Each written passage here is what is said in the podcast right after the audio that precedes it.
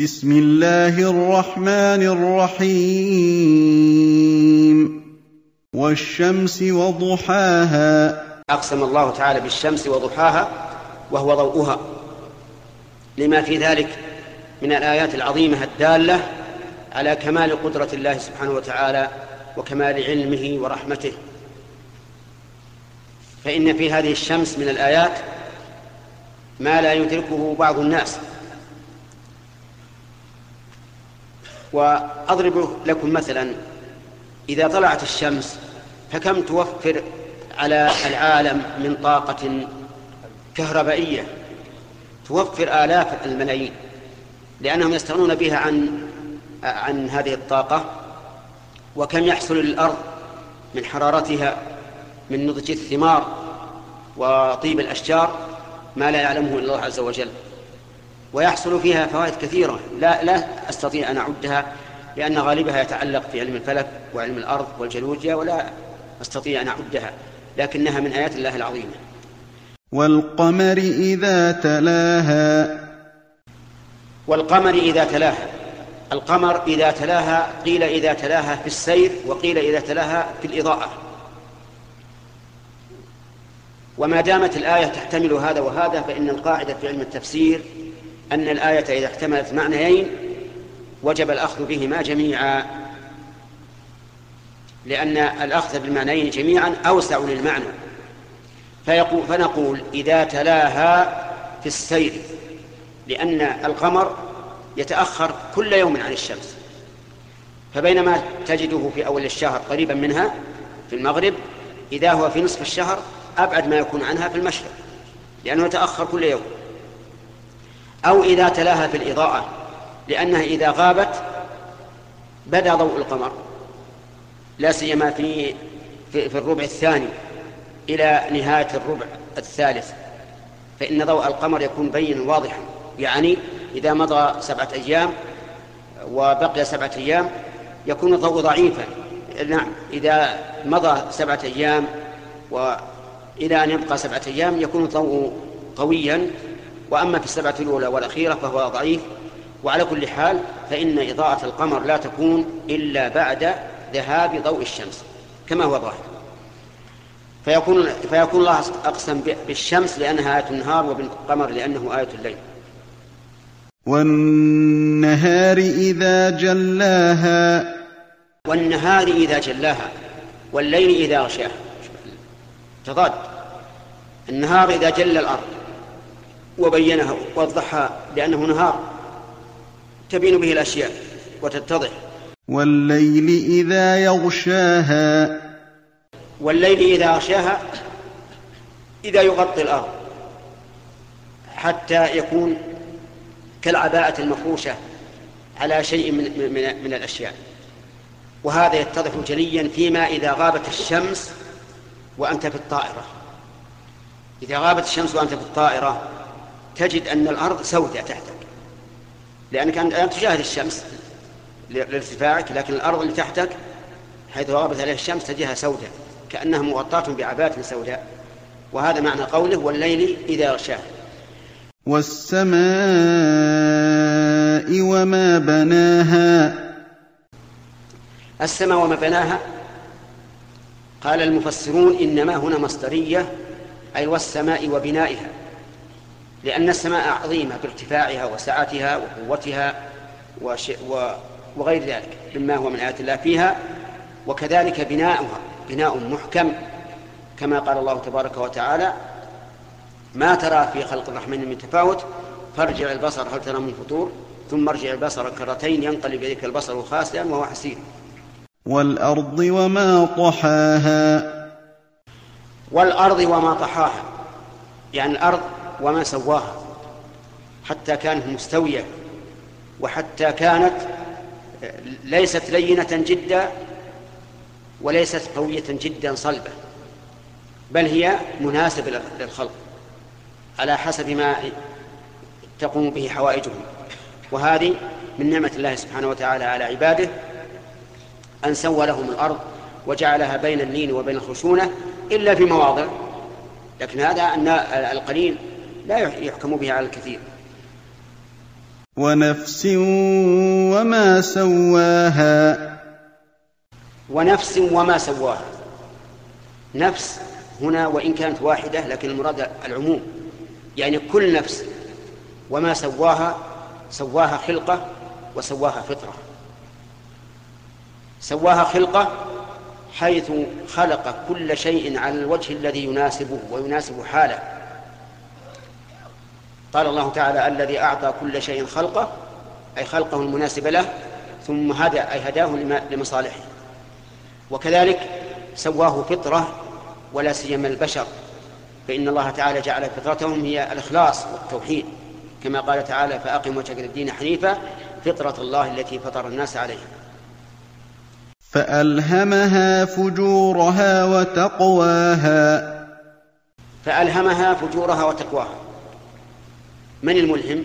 الله عز وجل. ألهم هذه النفوس فألهمها فجورها وتقواها. بدأ بالفجور قبل التقوى مع أن التقوى لا شك أفضل. قال مراعاة لفواصل الآيات. ألهمها فجورها وتقواها. ما هو الفجور؟ نقول هو ما يقابل التقوى. والتقوى طاعة الله. إذن فالفجور معصية الله. فكل عاص فهو فاجر وإن كان الفاجر خص عرفا بأنه من ليس بعفيف. لا لكن هو شرعا يعم كل من خرج عن طاعة الله كما قال تعالى كلا إن كتاب الفجار لفي سجين والمراد الكفار. وألهمها تقواها. ألهمها التقوى. أيهما الموافق للفطرة؟ الثاني أو الأول؟ الثاني لأن الفجور خارج عن الفطرة. لكن قد يلهمه الله بعض النفوس لانحرافها. لقوله تعالى فلما زاغوا أزاغ الله قلوبهم. والله تعالى لا يظلم أحدا. لكن من علم منه أنه لا يريد الحق أزاغ الله قلبه. نسأل الله العافية. قد أفلح من زكاها. قد أفلح أي فاز بالمطلوب ونجا من المرغوب. من زكاها أي من زكى نفسه وليس المراد بالتزكية هنا التزكية المنهية عنها في قوله فلا تزكوا أنفسكم. المراد بالتزكية هنا أن يزكي نفسه بإخلاصها من الشرك وشوائب المعاصي حتى تبقى زكية طاهرة نقية. وقد خاب من دساها. وقد خاب من دساها أي من أرداها في المهالك والمعاصي. وهذا في الواقع يحتاج إلى دعاء الله سبحانه وتعالى أن يثبت الإنسان أن يثبت الله الإنسان على طاعته وبالقول الثابت. فعليك يا أخي المسلم دائما أن تسأل الله الثبات والعلم النافع والعمل الصالح. فإن الله تعالى قال في كتابه وإذا سألك عبادي عني فإني قريب أجيب دعوة الداعي إذا دعان فليستجيبوا لي وليؤمنوا بي لعلهم يرشدون. كذبت ثمود بطغواها. كذبت ثمود ثمود اسم قبيلة ونبيهم صالح عليه الصلاة والسلام وديارهم في الحجر معروفة في طريق الناس. هؤلاء كذبوا نبيهم صالحا ونبيهم صالح عليه الصلاة والسلام كغيره من الأنبياء يدعوهم إلى عبادة الله وحده لا شريك له كما قال الله تعالى وما أرسلنا من قبلك من رسول إلا نوحي إليه أنه لا إله إلا أنا فاعبدون. دعاهم إلى عبادة الله وحده لا شريك له وأعطاه الله سبحانه وتعالى آية تدل على نبوته وهي الناقة العظيمة التي تشرب من البئر يوما وتسقيهم لبنا في اليوم الثاني. وقد قال بعض العلماء انها إنه كلما جاء إنسان وأعطاها من الماء بقدر أعطته من اللبن بقدره.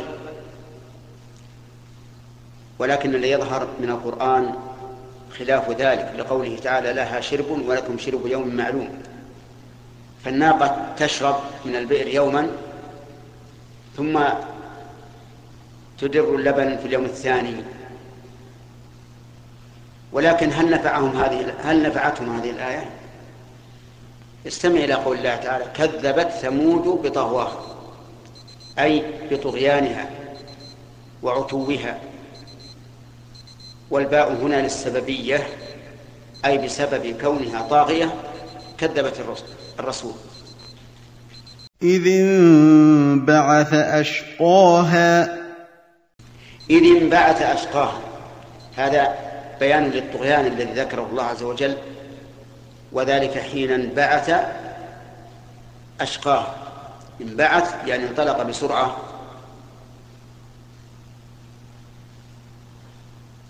وأشقاها أي أشقى ثمود. يعني أعلاهم في الشقاء والعياذ بالله. يريد أن يقضي على هذه الناقة. فقال لهم رسول الله ناقة الله وسقياها. فقال لهم صالح ناقة الله وسقياها. قال لهم ناقة أي ذروا ناقة الله. لقوله تعالى في آية أخرى فذروها تأكل في أرض الله. يعني اتركوا الناقة لا تقتلوها لا تتعرض لها بسوء ولكن كانت النتيجة, النتيجة بالعكس. فكذبوه فعقروها فدمدم عليهم ربهم بذنبهم فسواها. فكذبوه فعقروها.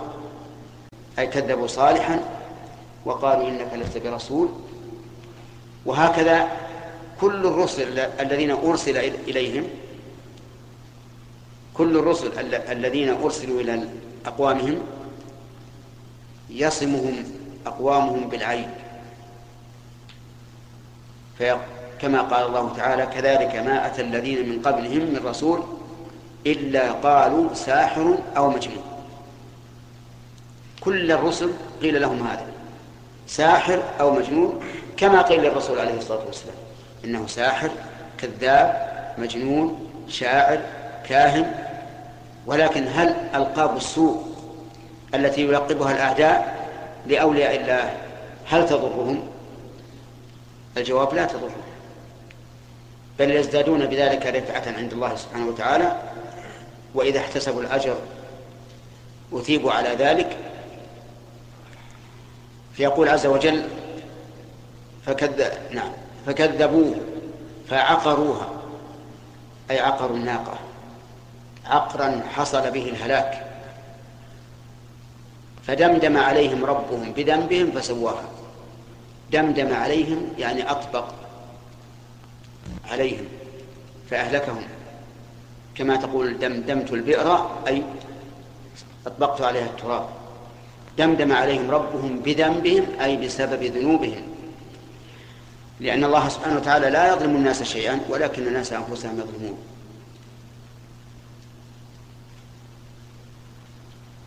فالذنوب سبب للهلاك والدمار والفساد. لقول الله تبارك وتعالى ظهر الفساد في البر والبحر بما كسبت أيدي الناس ليذيقهم بعض الذي عملوا لعلهم يرجعون وقال تعالى وإذا أردنا أن نهلك قرية أمرنا متر فيها ففسقوا فيها فحق عليه القول فدمرناها تدميرا وقال الله تعالى يخاطب أشرف الخلق وخير القرون أولما أصابتكم مصيبة قد أصبتم مثليها قلتم أن هذا قل هو من عند أنفسكم. فالإنسان يصاب بالمصائب من عند نفسه. ولهذا قال دمدم عليهم ربهم بذنبهم أي بسبب ذنبهم.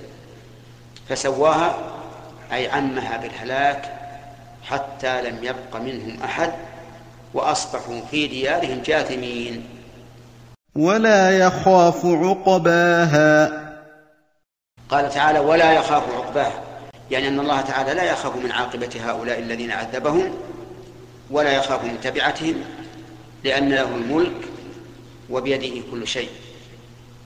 بخلاف غير من من الملوك. الملوك لو انتصروا على غيرهم أو عاقبوا غيرهم تجدهم في خوف يخشون أن تكون الكرة عليهم. أما الله عز وجل فإنه لا يخاف عقباها أي لا يخاف عاقبة من عذبهم لأنه سبحانه وتعالى له الملك كله وله الحمد كله. فسبحانه وتعالى ما أعظمه وما أجل سلطانه.